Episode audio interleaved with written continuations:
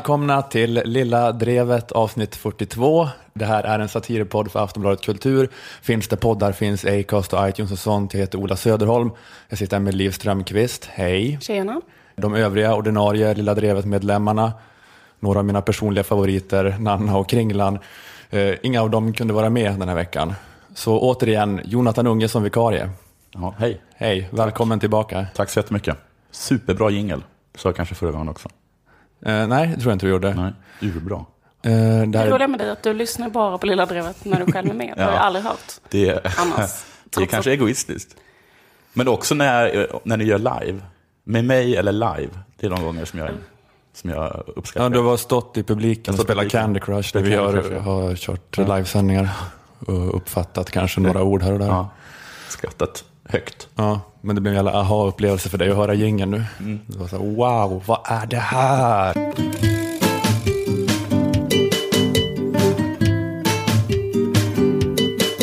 Eh, jag tänkte börja med att jag ställer dig en fråga, Ola. Om du eh, skulle säga något väldigt sårande till mig, eh, som skulle göra att jag blev väldigt ledsen. Och vad är det då som eh, rinner från mina ögon längst ner, längst ner med, med mina kinder? Jaha, jag tänkte att jag skulle få spåna fram något Nej. sårande. Nej. Okej, Nej. jag började, Du bes- började bespetsa mig på det. Vad kallas det? Tårar. Tårar, ja. Men det är inte tårar, det är kultur. För jag älskar kultur över allt annat. Mitt morgonkaffe är prosa. Okej. Min frukostfralla lyrik. Min filt är Karin mamma Andersson. Min kudde är en bok av Metterlink, Metterlink. eller Matterlink. Min avföring är magisk realism. Det jag försöker säga är att kultur är väldigt viktigt för mig. Jag förstår. Jag sa det på ett fint sätt. Ja. Därför blev jag väldigt ledsen när jag fick höra att eh, Henning Mankel har förlorat tio år av sitt eh, arbete häromdagen. Jag läst om det här? Ja. Där, där det, det trillade ut ur hans bil. Det trillade ur en taxi, det var inte ens hans bil. Han har arbetat på en bearbe- bearbetning av Hamlet för teater Avendia i Maputo, Mosambik. Men under en bilfärd mellan Kastrup och skånska Vallåkra så flög väskan ut genom bildörren Va? och är nu spårlöst försvunnen. Han Det låter inte alls troligt, vill jag först bara säga. Var det inte samma sak som hände med hans dator på Chip to Gaza? Förlåt om jag föregriper Vad är det? Han, han har kanske inte, nej, nej, absolut inte. Kan han inte stänga dörrar eller? Det var men- inte han som hade stängt dörren. Nej, men var en inte det en grej som hände? Var han med Jo, men då togs den väl? Ja, men den togs. Men vad var det? vad var det på den datorn? För det var ju väl också en bok? Ja, just det. Just det. Fick han någonsin tillbaka den? Det kommer inte jag ihåg vad som hände där. Nej, men jag menar att historierna håller ju inte ihop Nej. här. För ifall det är en, ett dokument han har jobbat på i tio år. Men det här var, var det här liksom eh, en dator som han tappade nu eller var det liksom en lunta med papper? Jag är lite, or, jag är lite, lite osäker. Den flög, det var en väska i alla fall. Någonstans under bilfärden flög bildörren upp och väskan försvann. Chauffören själv tror att väskan trillade ut i en rondell i Lund. Så, ja, men det är ju, Ja. det är ju verkligen eh, imponerande att inte efter att har hänt en gång skaffa Dropbox eller Google Docs. Ja. Det här är i alla fall en stor tragedi. ja, Eller är det det? som du säger så det, eh, har han hittat på det här. Jag tror att han hittar på det. Men jag undrar också, är det något... Vad menar du att det är en stor tragedi att han är mytoman? Nej, jag menar, hans nära och kära, är ja. det- har- För oss spelar inte så stor roll. Men vi som älskar kultur, har vi missat någonting här? Det är ändå tio års arbete på en bearbetning av Hamlet. Och jag ska gå upp på en teater i Mosambik. Ja, men kan, man kan tänka sig att det kanske filmas av UR och sen sänds här. Men eh, det som förvånar mig det är liksom just att det har tagit så lång alltså, Det har tagit tio år. ja, Min erfarenhet eh, är att det behöver inte bli bättre för att folk har jobbat på det länge. Nej, snarare tvärtom. Eh, Det kanske vittnar om något annat, att det inte blir klart. Men det kanske det är inte det enda han har gjort de senaste tio åren. Men är det så att de helt enkelt, nu till slut efter tio år så orkar de inte vänta längre? Då sa de, ja, skit i det här Henning Mankel, ta bara vad du har, sätt dig i taxin och skicka hit den. Och då hade han ingenting, påstod sen, att han dömt ut i en rondell i Lund. Är det en tanke? Ja, Ja, men det är väl självklart att det är så. Och att han har fått förskottet och det han liksom använt upp på snacks. Min tes är i alla fall så här, att hur, jag tror inte att det här är en så stor förlust. Även, och, även om det säger att den var superbra, Eller om han påstår att han var väldigt nöjd med den. Så tror jag, inte att den var, jag tror inte att det är så, så bra. Jag vet inte, han har ju nämligen skrivit drama tidigare. Bland annat för, ehm, för uh, Radioteatern. Och det var skit eller? Jag kan lyssna på exakt vad det var för någonting. Radioteatern ger möjliga samtal. Idag mellan Benjamin Netanyahu och Desmond Tutu. Det här är alltså en radioserie som Stina Oskarsson, före detta chef för Sveriges Radio, satte igång. Man, Jag, jag har hört den och det, Ja. den är ju lite sådär, den radioteatern med möjliga samtal. Om man tycker att det här P3-programmet, som vi inte nämner vid, namn, Nej. som vi har jobbat med, Ja. att det var plakatpolitiskt emellanåt, så är det, det är ju liksom en droppe, det är ju ingenting Ja. jämfört med, med det här är. Utan det är, ja, det är normalt så är det att det är en det är en fantasi om vad Carl Bildt borde säga. De tar dit en Carl Bildt-imitatör, sen bryter Carl Bildt ihop och säger jag är så dum, förlåt för Lundin Oil. Så, så är de ungefär, eller Ja, så är det. Ja. Stina Oskarsson ska ju säga att hon fick ju sparken från, eller tvingades, kände sig tvingad att avgå eller någonting, eh, från, från eh, Radioteatern. Enligt henne för, eh, på grund av att hon eh, var för kontroversiell rent politisk och enligt andra för att hon var så himla dålig. Kan säga som det. Mm, jag vet inte om det, men jag tycker liksom att själva upplägget, jag har faktiskt aldrig lyssnat på det, men jag tycker Nej. att det låter... eh, Det låter pajigt. eh, Ja men exakt, det låter liksom så här, på möjligt sånt, det är så här, Usama bin Laden pratar med en pyssling. det är så här, eh, vad händer då? Två världar Två krockar. världar möts. Två världar Eh, möts. vad, vad har Två de att berätta för varandra? Ja. Kan du ställa ut en skål med gröt på trappan till mig? Säger pysslingen. Nej, säger han. Nej, men vad händer? Jag har faktiskt aldrig hört det. Men De hade på riktigt eh, en som jag hörde lite på som var Osama bin Ladens dotter prata med den amerikanska soldaten som sköt Osama bin Laden. Ja, det är få- ja, just det. Hon förklarade lite, gav den där soldaten lite lektioner i postkolonial teori. Men det är faktiskt Tyvärr, inte så det går ut på. Det är så det. För den här då som Henning Mankell har gjort, då är alltså eh, Desmond Tutu från Sydafrika som de möter Benjamin Netanyahu. Och eh, spoiler alert, Benjamin Netanyahu framstår lite som en röv. har jag kanske pajat för alla. Vem har... s- Var det brist- Författaren är Henning Henning Mankell. Mankell har skrivit den. Har han fått dem tilldelade, de här personerna? Nej, Eller har det han tror jag inte. själv? Det här tror jag att han har suttit och jag grunnat på själv länge. skulle känna så jävla svårt för någon liksom tilldelar den så här, vad skulle Desmond Tutu, what Mm. would Desmond Tutu say? Eh, eh, jag känner inte att det kommer naturligt. Man tänker så här, vad skulle han säga? Hur skulle, ja, skitsamma. Ja. Vad ska vara Desmond Tutus karaktärsutveckling genom det här samtalet? Vad hade Benjamin Netanyahu bra karaktärsutveckling? Uh, det kan man, han var ganska statisk. Det var också Benjamin Tutu. Men vi kan väl höra lite hur karaktärerna är genom att lyssna på den här lilla eh, meningsutbytet. Jag är en glad människa, jag skrattar alltid. Mm. Men du lider av cancer? Jo, jo, jo. Men vi afrikaner har alltid varit på det sättet. Det som kommer här som jag tycker är, va? Eh, Nej, jag var så för chockad. Vem- De vem var vem? Den som talar förr, som skrattar hela tiden, det är ju Desmond Tutu. Och det är det som jag tycker att det värsta är inte på det sättet att eh, Benjamin Netanyahu är, är, är ett arsle, utan att också att Desmond Tutu är en sån parodi på en svart man. Han är bara glad hela tiden och skrattar. Och så gör vi. Godmodig. Ja, och Netanyahu, är, jag kan inte ta det. Han är till, till och med tvungen att dra upp hans cancer. Men är det då att liksom, Men han Henning Mankell sitter och läser på Wikipedia så här, Mm. ja, eh, Desmond Tutu har cancer. Eller var det Netanyahu som hade cancer? Nej, det var Nej. det Tutu. Okej, Tutu har cancer och då är det så här, Mm. och så skriver han så här, hur är det med din cancer? Ja, han sa så här, han, han säger du bara skrattar hela tiden. Och han bara, ja, men jag skrattar mycket, säger han. Det är som, ja, men du har ju cancer. Och så, ja, trots det. För så är vi i, i, i Afrika. Eh, och sen så går det då ut på att, eh, vi kan lyssna på nästa också. Men ändå lär du dig ingenting av det. Mästra mig inte Desmond Tutu. Han är så, jag vet inte, hörde ni det? där Någonting? Mästra mig inte Ja, Desmond han är så Tutu. fruktansvärt elak. Benjamin fram orden. Fruktansvärt. Och sen är det överhuvudtaget bara väldigt, väldigt pajig. Vi kan ha på nästa också. I Afrika brukar vi säga att eh, en människa har två öron, men bara en tunga. Jag har inte tid att gissa gåtor. Det är ingen gåta. Oerhört. Har du hört den? Den här klassiska grejen. Människan har två öron, men bara en mun. Nej. Ja, jag har hört den. Ja. Eh, också Ja. utanför Afrika. Nej, utanför. Men den är väl känd även utanför Afrika? Det Ja, det har man väl man- fritidsledare som man har träffat har väl sagt det.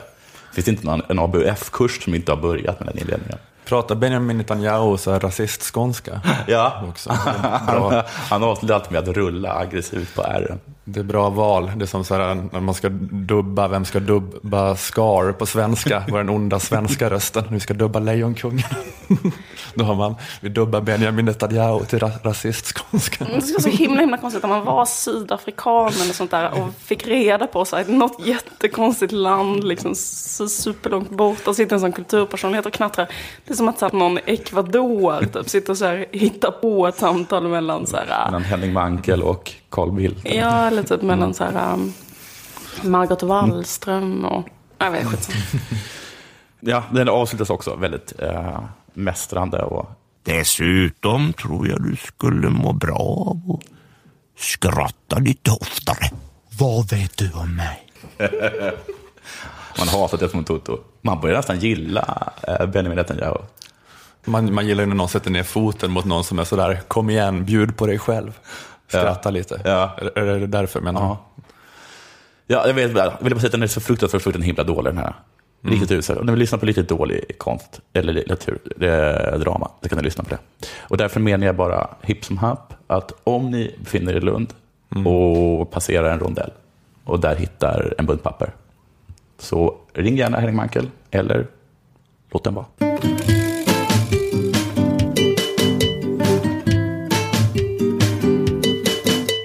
Jag har eh, varit på semester med mina barn förra skönt. veckan.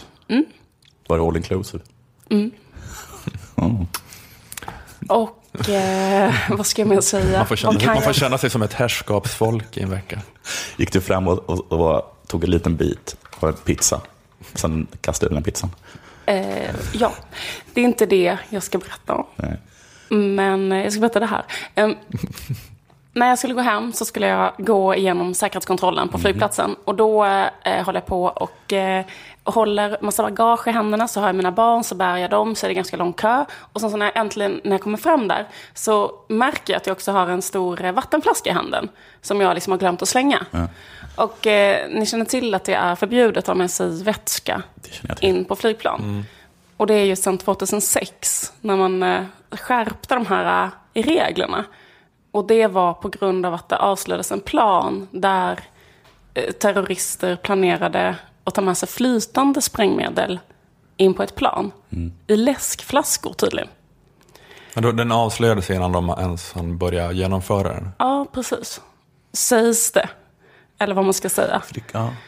Det är liksom, eh, jag läste en jättelång kritisk artikel om det här som sen slutade med slutpunchen som jag tyckte var svinbra. Bara, men det här kan ju inte stämma att det var så här. Och sen var slutpunchen så här, för så här fungerar det i det sionistiskt styrda samhället. Eller sånt där. Det var en jättebra artikel så dess. jättebra artikel. Så tänkte jag så här, åh nej.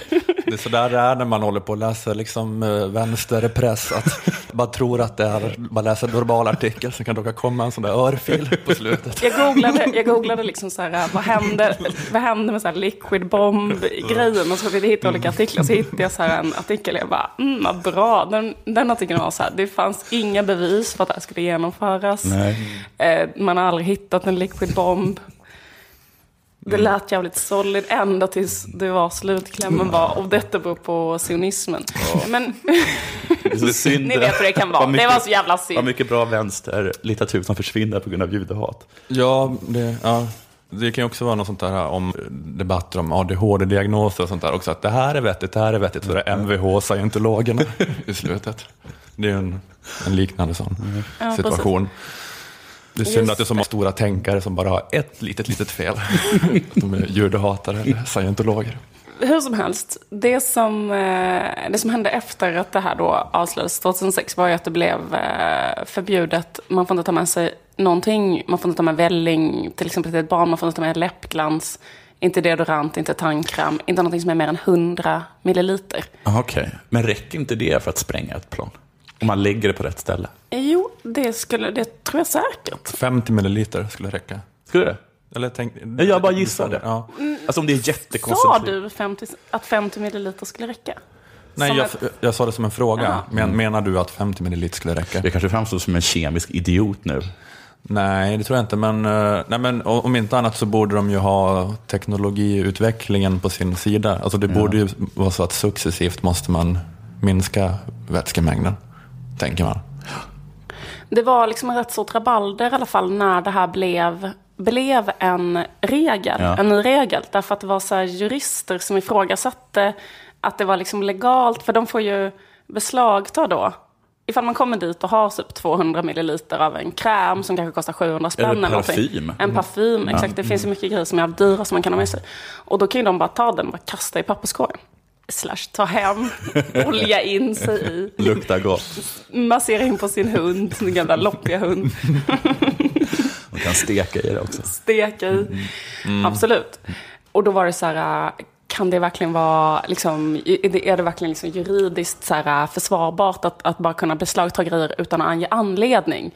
Eh, så var det jurister som höll på att driva grejer mot det här och sådär. Men eh, slutsatsen var ändå att på grund av liksom det här allvarliga hotet så är det så, så jävla hårt att eh, vi måste gå förbi liksom, eh, den typen av så här egendomsrätt och vi måste gå förbi eh, andra saker för att eh, det är så viktigt. Tillbaka till mig. Då står jag där med eh, min vattenflaska, mina barn, mitt handbagage och tänker så här, vad fan ska jag slänga den här? T- tittar mig omkring. Då bara vinkar han till mig, den där eh, kontrollanten, och säger så här, is it for the baby? Vattnet alltså. Ja. Jag bara, ja. Han bara, "Ah, ah, ah, ja, jaha, ah, ja, i så fall. Då vinkar han förbi mig. Okej. Det man trodde var en fruktansvärt vattentät antiterroristplan. Det var väldigt viktigt. Det hade, det fanns en lucka och det var Is it for the baby? Men då kan du ha med det. Men, Det ja, var eh, liksom en aspekt som väger tyngre än hela det här ter- terrorhotet. Och det var då aspekten Is it for the baby? men är det, kan det vara en avvägning ändå i hur stort terroristhotet är? Att det, är, det krävs en ännu liksom iskallare, maniskt besatt terrorist som klarar av att ha med sig en bebis när det ska spränga sitt plan. Som, som en liksom förevändning för att få ta med bombvätskan. Att de, att de har sådana nivåer. Ja. Det är, typ, det, är som en, det är som en, det är som en, det är som en vanlig screening, är inte det? En, en, det är som en, som en profiling. Det är därför man, man stoppar till exempel folk som ser ut som invandrare om man ska, om man ska leta efter papperslösa. Det får man inte göra, Men, jag men det, man gör ju det. Och jag- man stoppar inte barn, mödrar med barn. Men Man- har ju är varit en inte- massa sådana fall där Har folk har det? försökt, eller Med en bebis. kvällspressen har skrivit artiklar om par som har velat spränga saker via sin bebis nappflaska. What? Och ni måste ha läst de artiklarna. Nej, det här har jag aldrig hört talas om. Var, stod, det i samma, stod det i samma artikel? Och så sen- är det i en sionistisk värld. Nej, det är nog motsatsen. Det är nog den motsatta sidan som skriver de artiklarna om ett eh, så ondskefullt muslimskt Ja, par jag borde- som tänker stoppa en bomb i... Ja, jag borde förstått att det var en dålig artikel om det stod Urabien. Eh, Där finns en lucka i alla fall menar du? Det är tips, det är ju tips nu. ja, om det är så. Det här är väl egentligen en uppmaning till Man bara brott. säger but it is for the baby. Baby, It, it, is, for the baby. Och då bara så här, jaha, då var det, då var det helt plötsligt grön gubbe. Du är lustig på hans dåliga engelska. Vad sa du? Nej. Men, men det är väl så, just det med racial profiling, att, eh, jag menar, att sådana man känner som har arabiska namn berättar ju det att varje gång, de har, de har inte åkt till USA en enda gång, utan de har blivit random bagcheck. De är alltid utvalda då. Men jag åkte ju måste- fast med vapen en gång när jag skulle flyga. Ja, Ja. eh, men du visste så- inte att det var otillåtet att ha med sig vapen på flygplan? men jag hade tagit med fel väska. Jag var så stressad så jag tog med i min vapenväska. Mm. Du köpte en teleskopbatong ur en killes baklucka. Ja, just det. Jag gjorde för, för att jag, eh, jag hade precis blivit far, så jag var, kände att jag var tvungen att försvara min familj. Jag Plus tror du menar att du var tvungen att uppfostra ungen. Nej, men där, det var ju väldigt våld. Jag är reumatiker, så jag, så, så fort så, jag kan inte, det, krä- det krävs ju en viss eh, eh, snärt i handleden om man ska slå, slå någon med eh, en batong. Ja, Det gör, ju för alldeles för ont på mig. ja Så det var men, ju ett dåligt vapen på det sättet. Men du, var, du kände en genuin oro över att du kände dig liksom som en sån här lejonhanne när du får- fått ett barn, att du måste liksom Mm. Jag skulle försvara den helst här gärna vilja familjen. ha ett handelsvapen. Det här, jag försöker bara säga det att där åkte jag fast i alla fall och blev så oerhört väl behandlad. Oerhört väl behandlad blev jag. Du försökte ta med den här till Gotland. Jag var inte med i Gotland och de, de, de, de ojade sig, oj nu har det hoppsan ha. Och gav mig tips på vapen som jag borde ha, träklubbor, för de piper inte. Vad sa polisen det? Nej, tullen. Tullen. Och sen så... Också passar in arkitekturen på Gotland. Ja, precis. Och man åker dit under medeltidsveckan speciellt. Och sen så, vad heter det, så kom polisen, det var ett väldigt trevligt samtal och sen fick jag borda nästa, nästa flyg. Det Fick hade inte hänt om jag hade het- hetat Esan. Nej, Nej. jag fick inte tillbaka det. här, Fick jag inte. De ringde och frågade om jag ville ha det, men det tror inte jag, att även om jag sagt att jag skulle vilja ha det så hade de inte gett det till mig. Men fick du inte böter eller något? Jo, 1 och 7. Okej. Men jag fick liksom inte, jag fick inte en batong i röven och eh, eh, skick- skickades med en huva ut ur landet. Nej, det ska man vara glad för. Ja, det ska man vara glad Det för. gäller att visa tacksamhet, lite tacksamhet varje dag. men, eh, eh, men min poäng är ändå liksom att jag måste ändå säga att jag eh, eh, har aldrig någonsin varit med om det att någon får liksom på något sätt i något sammanhang ta med sig vätska på flyget. Det Nej. får man inte helt enkelt nu för tiden.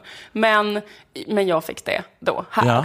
Och då tänker jag så här att, eller känslan kring alltihopa är ju så här att de vet och jag vet och liksom alla vet att så här, det, det går inte riktigt att spränga ett plan med vätska. Eller det är liksom, det är inte baserat på förnuft eller rationalitet utan det är baserat på eh, känslor och en slags social ritual som alla agerar med i. När man ska liksom spela upp en ritual som går ut på att jag erkänner dem som auktoritet. Jag känner mig trygg för att samhället gör allt för min säkerhet. Alla låtsas detta, liksom. För det var väl Tillsammans, som en, som en slags Ja. ehm, ko- eh, kollektiv eh, social ritual, helt enkelt, man gör i samhället varje gång man åker flygplan. Ehm, Det är som att skapa hela den stämningen och ritualen kanske minskar risken rent allmänt också då för att det ska hända något. Att alla är bara så här lydiga kroppar. Ja, jag tror också att det Men ska- det är bara att det- till att för det- dem som absolut inte skulle smuggla med någonting. Alltså det är, det är bara till för alla oskyldiga. Alltså det, är, ju- det, är, det är ju det är bara, det är precis det, det var ju efter 9-11, eller hur? Ja. Och då så var, kände de väl att vi måste göra något. Sen fanns det liksom inget att göra egentligen. Så då bara hittade man på det här. Ja, men det tror jag också. Ja. Och sen tror jag typ att det är en sån grej att man dels vill liksom inskärpa fortsatta känslan att någonting är farligt. Att det existerar Mm. en fara, det är farligt, men det finns säkerhet och det är den vi står för. Samhället står för, för att det inte det finns något skitobehagligt, men det ska inte ni behöva vara rädda för. Medan i själva verket så är det så här, äh, finns det någon fara? Finns det något skydd? Bara olika frågetecken kring det här. Äh, hur som helst, för det finns ju massor, massor, massor, massor frågor man kan ställa sig kring det här jävla vätskeförbudet. Exempelvis det där med 100 milliliter, precis som ni var inne på innan. Om det går att göra någonting av 500 milliliter som går att spränga där inne, eh, måste ju kunna gå att göra något av 100 milliliter. Om inte annat gå kanske en lång rad med Ja. terrorister och ha med sig 100 milliliter var och sen blanda ihop inne på toaletten. Ja. En invändning.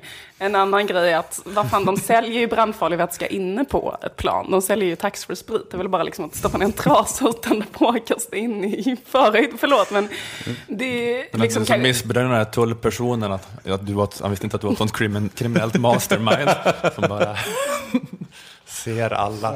Han ville, han ville vara schysst och allt han har gjort är att ge dig idéer. Det som är min poäng eh, är bara det här med att det inte är rationalitet som styr den här typen av re- regler, utan det är den här känslomässiga ritualen.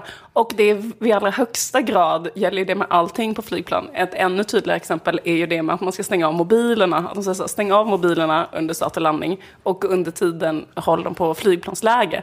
Allt är ju också eh, påhittat. Det existerar ingen risk för att ett plan ska starta och orsaka olyckor.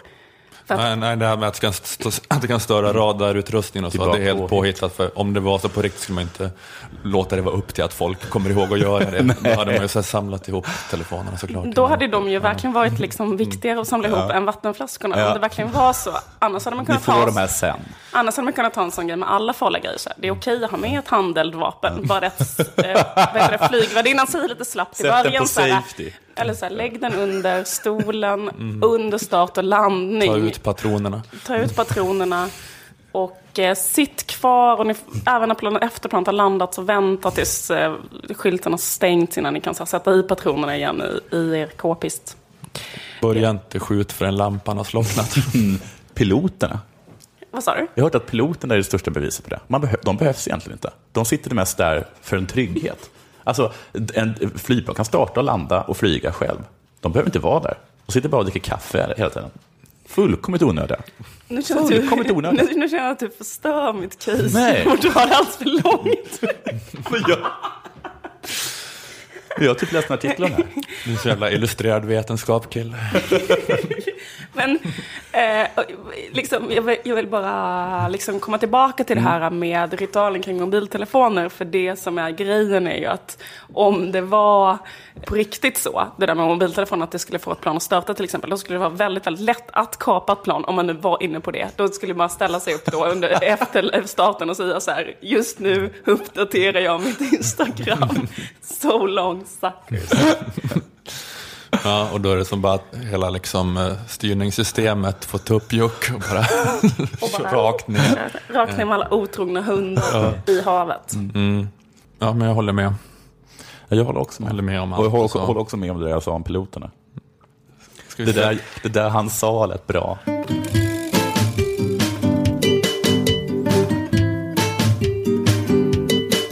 Ja, jag skulle prata lite om Sverigedemokraternas klimatpolitik nu. Då, då vet du det, turnar jag ut. Nu blir det en lång mysig tupplur för dig. eh, nej, jo, men jag kan börja med det här. Jag läste, eh, jag läste inte hela rapporten, men jag läste den 40-sidiga sammanfattningen av FNs klimatpanels nya rapport. Herregud. Say hello to a new era of mental health care. Cerebral is here to help you achieve your mental wellness goals with professional therapy and medication management support. 100% online. You'll experience the all new Cerebral Way, an innovative approach to mental wellness designed around you. You'll get a personalized treatment plan from a therapist, prescriber, or both in a safe and judgment free space. Your Cerebral therapist or prescriber will outline a customized plan with clear milestones along the way so you can get to feeling your best. With Cerebral, you're not alone in your mental health journey. We're here to empower you to live a fulfilling life. So take that first step towards a brighter future and sign up today at cerebral.com slash podcast and use code ACAST to get 15% off your first month. Offer only valid on monthly plans. Other exclusions may apply. Offer ends July 31st, 2024. See site for details. Ja, det var, För dig ett liv. det var, roligt. Jo, men den kom för ett par veckor sedan och det var ju ingen rolig läsning. Nej. Budskapet är väl typ att det kan stanna vid den ganska dåliga två graders uppvärmningen. Om det Om, den, om den radikala minskningen av utsläpp börjar nu, exakt nu, nu, nu. För fem minuter sedan. Så när den publicerades så var det redan för sent. Men om det inte händer något nu, då får vi väl bara hoppas liksom, på att Bruce Willis åker upp i rymden. Eller något, och fixar det. Men det, är, men det kanske det är extra tråkigt att läsa den här rapporten. Det är ganska tråkigt. Jag tycker det också. Även om ni har fördomar om att jag älskar det. Men det är ganska tråkig läsning, för det är ju inte någon filmisk kollaps på det viset. Tyvärr. Nej. Det är inte en sån apokalyps som gör att eh, alla börjar ligga med varandra. Klimatförändringarna. Det var det du hade hoppats på. Ja, men det är väl det som det är så här, inför ett meteoritnedslag eller en ufo-invasion.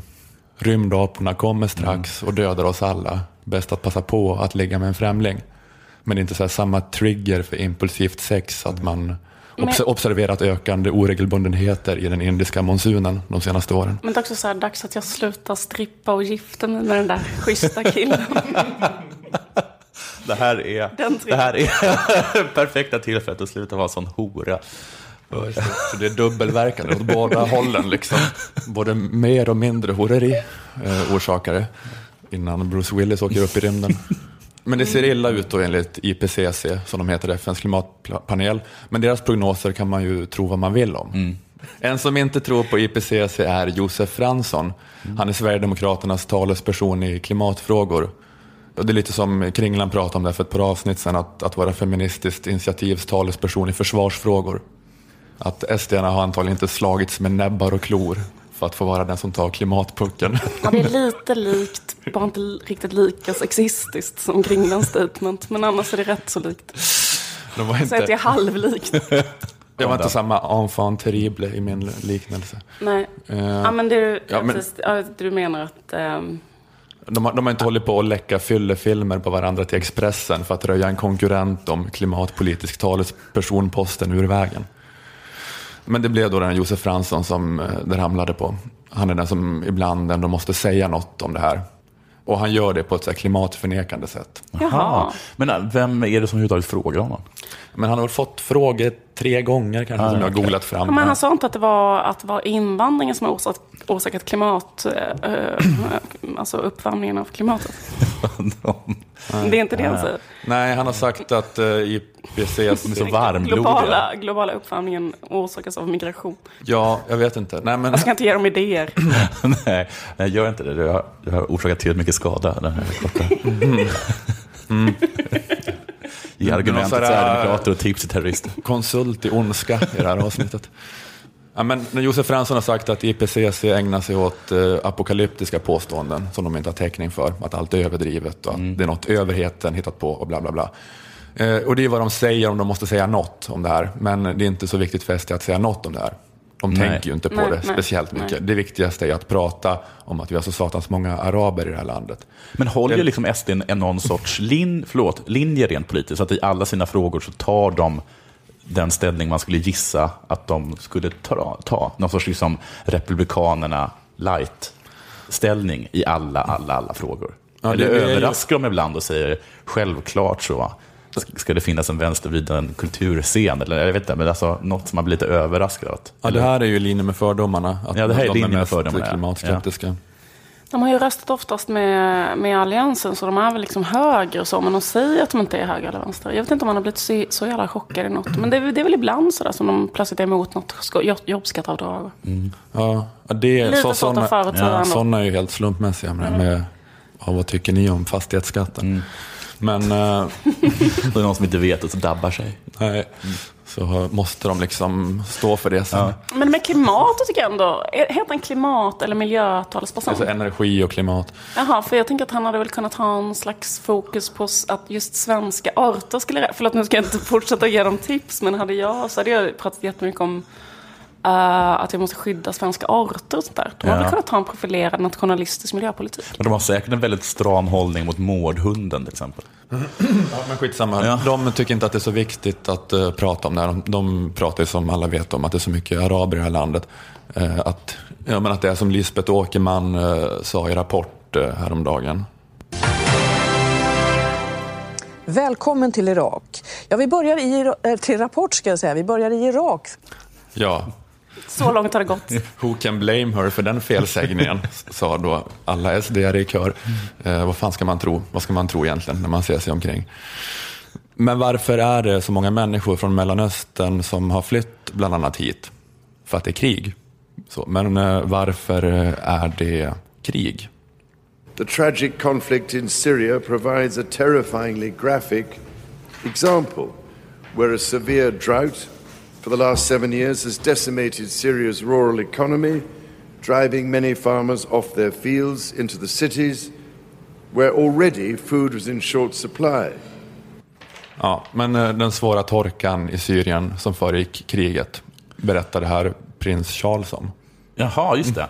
Han, men du, men, han dyker upp på de mest underliga ställen. Men eh, alltså, de hade de redan börjat fly då? Eller är det, är det det som är upphov till kriget? Att det var torka? Det är prins Charles känsla. Här, Men eh, klimatförändringarna orsakade Syrienkriget. Men he, hette han prins Charles, han som pratade? Det är prins Det är Charles. prins Charles. Ja, men det var prins Charles. Fan, det hörde inte jag. Klimatförändringarna orsakade Syrienkriget. Okej, Det säger prins Charles. säger prins Charles. Fan, Det är kaxigt uttalande. Eller? Har han något på fötterna? Nej, han, ja, men han är någon slags klimataktivist, eh, prins Charles. Ja. Det är något han håller på med som så Det är hans nya grej. För det var att rädda Londons arkitektur. fin, fin kunga, fritidsintresse. Han har valt klimatgrejen. För att Silvia hade redan eh, trafficking. Man kan ju också såklart säga att det är krig för att det finns dumma människor där som eh, hatar frihet och så. Ja. Men eh, frågan är, är ju ändå då varför alla regimer där är så extra instabila nu. Eh, För det, alltså det går ju inte heller att bygga upp någon så här frihetlig regim heller efter att man har haft en sån där vårrevolution. Nej. Eh, Och eh, jag läste en artikel i Washington Post om det här Charles pratade om. Att Syrien hade en sju år lång torka innan kriget.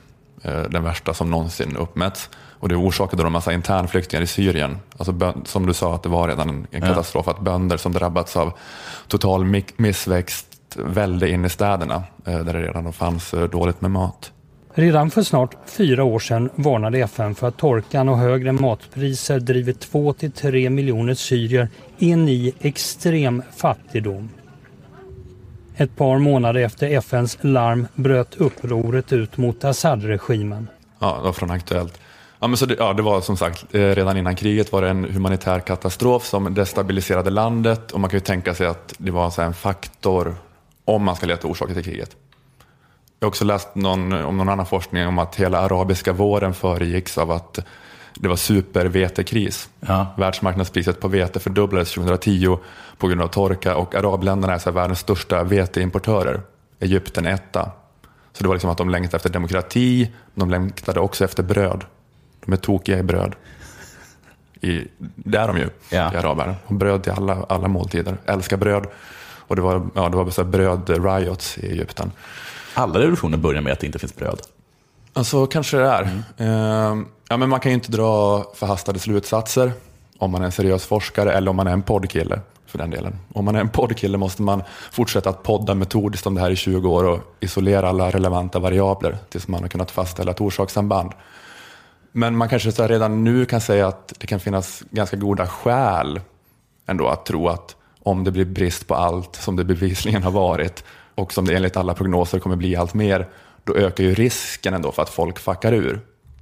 Och då kommer ju fler människor att fly. Och det här tycker jag liksom, det, är- det här är anledningen till att det är så här obegripligt att SD inte går i täten när det gäller klimatpolitiken. Eller hur? Ja. Att de borde vilja... Ja, men att de tycker så här liksom att eh, Gustaf Fridolin är galen när han säger öppna dörren. Men de borde fatta att det är egentligen de som öppnar dörren mest när de säger sänk bensinskatten. För att det är det som då tvingar hit folk. När de säger sänk bensinskatten så är det liksom de som sirener som ropar på syrierna. Syrien-sirener. Kom, kom, ropar de. Med den förföriska rösten. Ja. Eller hur? Man kan inte motstå det. Ja, men jag kan inte Ja. förstå så att Björn Söder inte åker till Bromma flygplats och står som någon så här kinesisk student på landningsbanan och stoppar flygplanen. Är inte det konstigt att han inte gör det? Jo, det är Hur kan han inte göra det? Och den här liksom SD-svansen på Twitter, så här kommentarsfältskrigarna, varför ödslar de tid på Maria Sveland? Alltså det är inte hennes fel att inget växer i Syrien, hon har inte varit där och saltat jorden. Alltså de borde istället dränka Vattenfalls chefer i näthat för att de liksom har massa kolkraftverk. Så här, Magnus Hall, din dumma svenskfientliga PK-hora. Hoppas du blir våldtagen av åtta klimatflyktingar. Det är bra, det är, det, är inget fel på hatet, det är bara felriktat. Ja. Ja. Ja, men det är, eh, ja, men det är något... Ja, men som sagt, att fördomen är ju att de ska vara klimatskeptiker. Men det är ju det är lite grann som det gamla Peter Wahlbeck-skämtet om moderatkommunister. Att, att så här, åsiktskombinationen klimatskeptiker och anti-invandring håller liksom inte alls ihop. Det är väldigt motsägelsefull. Men det är en ny angreppsvinkel då ifall man tröttnar på gamla angreppsvinklar på SD. Att så här, varför älskar ni invandring så mycket? Varför älskar ni folkrörelser? Att folk inte stannar kvar och är herrar i sina egna hus så mycket. Eftersom att ni har så mycket klimatfientliga förslag. Men jag- så måste ni älska det. Och motsatt då liksom Gustaf Fridolin som bara vill att det ska vara 100 miljoner syrer i Vittsjö. Varför gör han då förslag mot att stoppa klimatförändringarna? Han borde ju bara vilja ösa på det. Då skulle väl han vara nöjd. The old switcheroo. Ja. Ja. Där, där, där du ihop Där, det. där, där tackar vi. Jag får försöka skapa lite dynamik själv när inte ni är kapabla till. Du får sluta säga så otroligt bra saker. Man bara, bara vill ställa sig upp och high-fiva det. Ställa sig på hajlar vill man man hör det, Ola.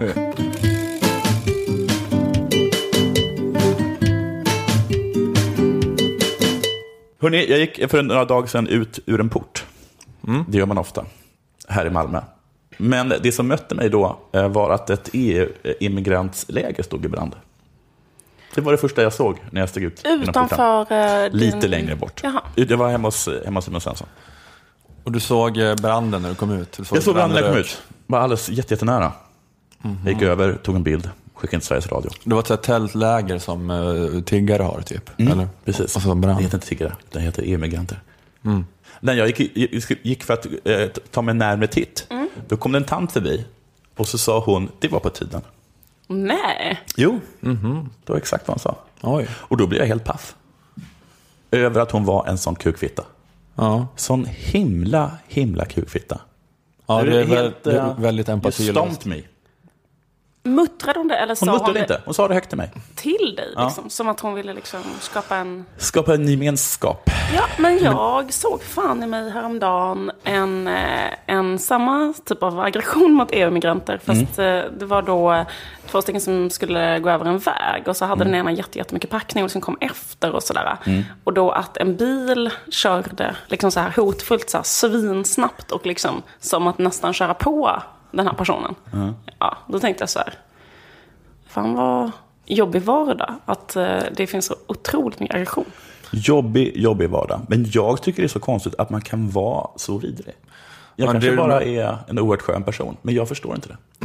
Man blir lite paff som du säger när det är sådär då, att man, Mm. kan, man kan reagera ifall någon beter sig lite halvtveksamt, men om någon så här har skruvat upp någon sån, alltså vinka och jubla till tåget till Auschwitz-rasism liksom, så blir man så här chockad. Eller, inte. Ja, precis. Men du, alltså, man brukar säga det här med att jag skulle inte ens pissa på det om du brann. Men sen att se en person vägra pissa på någon fast den brinner, då blir man ju paff.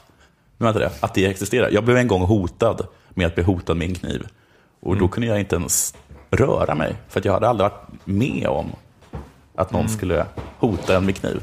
Jag, jag, jag hör vilken skyddad, eh, skyddad tillvaro jag har haft. Som Jag tycker inte det låter så himla skyddad då. Du eh, blir tagen vid tullen med en batong och eh, du se, går förbi eh, ett Ja. EU-migrantläger i låg. Ja, precis. Men jag blev, jag blev faktiskt så himla förvånad över att man kan vara så Mm. kukfittig. Vet du varför det brann?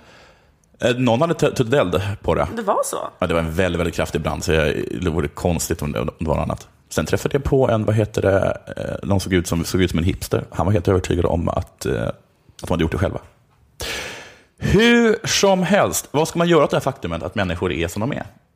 Alltså så vidriga. Om det inte funkar med den vanliga debatten. Om de, inte, de bara inte förstår att man inte kan tycka så. Vad ska man göra? Många menar att teater är svaret på det. Känner säkert till. Genom teatern ska man få empati, se sig själv i spegeln, genom katarsis, gå därifrån som en bra människa. Eller hur? Ja. Så det gäller bara att få den där tanten till eh, någon Få slags... dem att känna på något sätt, eller hur? Det är det som man ska göra. Ung scen i öst, tänkte jag i alla fall så. Turnerade de runt i Östergötland med pjäsen Marken brinner om upploppen i Husby.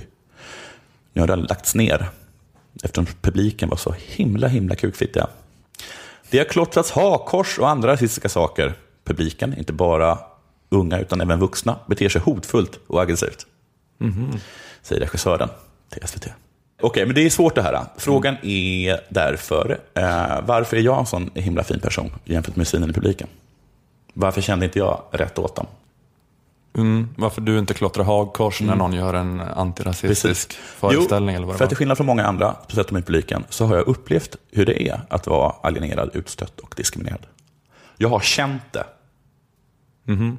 Och det är nästan bara så att, tyvärr, att om du har känt det, så nu förstår du hur vidrigt det är. Har man upplevt det själv, då kan man verkligen förstå, man får empati och förhoppningsvis även sympati. Men jag hade ingen aning om att ditt tältläger hade blivit påtuttat. Visste inte det? Vad, vad handlar det här Är det om att du har utsatts för ant- antisemitism? Nej, nej. Nej. Jag har svaret på hur alla ska få känna hur det är. Okej. Att vara utstött, diskriminerad, alienerad. Och svaret på hur man ska göra det, det är det här.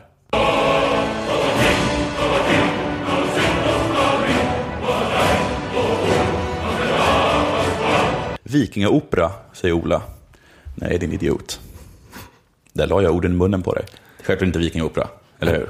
Var det vikingaopera? Nej, det är det här vikingar med rockopera. Då. Det här är musiken till tv-spelet Skyrim.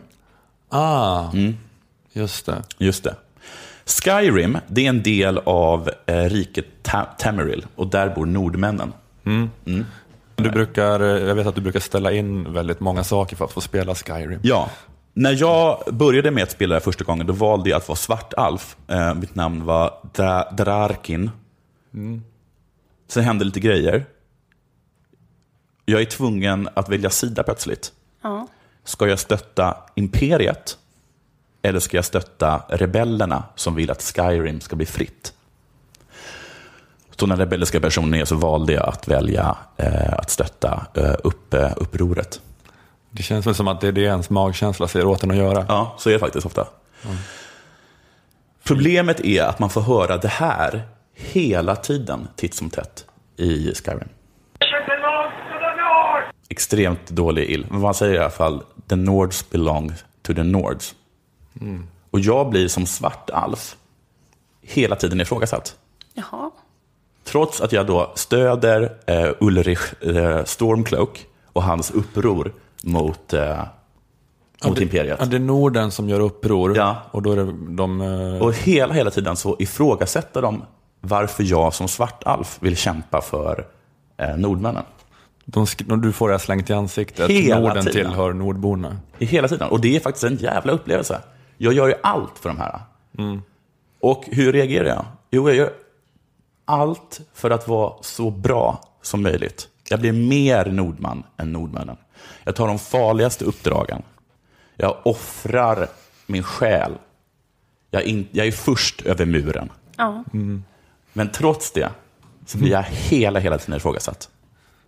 Du tar efter deras seder och bruk. Efter deras seder och försöker bruk. bete, bete dig så lite svart alfigt som möjligt. Ja. Så lite så här stereotypt Ja. svart alfigt som möjligt. Jag är hela tiden få, få, att få frågor med du som är, som, är, som är alv. Vi vet hur du är. Och de försöker ofta så här klanka ihop mig med altmerna som är högalverna. Som, som Skyrim har fört krig mot tidigare. Men jag är inte det, jag är svartalv. Liksom. Jag har inget med dem att göra. Det är två helt olika kulturer. Just det. Och du börjar också snacka skit om andra Jag börjar säga skit om andra. Börjar och säga att de, det är synd att de inte sköter sig. Jag flyttar från, eh, från det, den delen där svartalverna brukar leva i eh, huvudstaden Vindhelm in till eh, de, de, de finare delarna. Blir ändå stoppad. Kommer inte in på krogen. Är det som att när du flyttar in så blir det ett svart alvområde och Ja. nordmännen börjar flytta ut? Ja. Kvadratmeterpriserna dyker. Sjunker Mm. direkt. Ja, jag förstår. Alltså det var den erfarenheten som har gjort dig...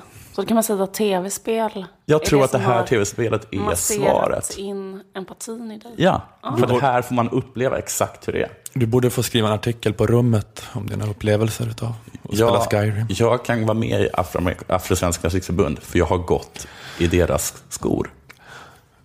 Inte på riktigt. Nej, det ska vi nog verkligen understryka.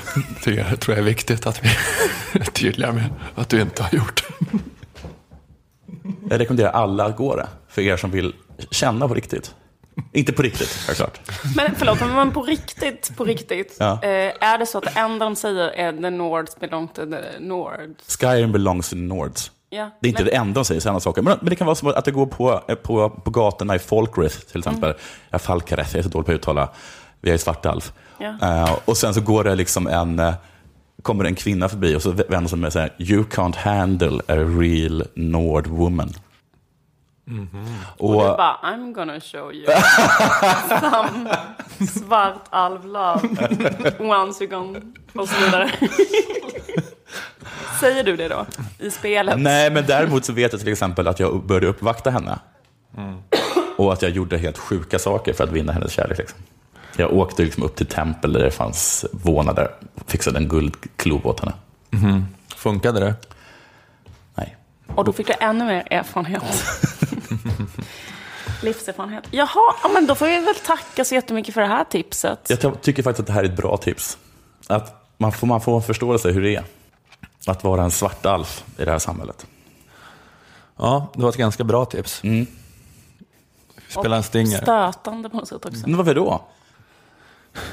Nej, det, var, det är alla, alla hjälpmedel som kan liksom hjälpa, det, hjälpa på förståelsen är väl bra. Där konsten tar slut måste tv-spelen ta vid. Det här är det mest stötande nu för så här tv-spelsnördar, att du gör en distinktion med konst och tv-spel. Det är det vi kommer få mejl om.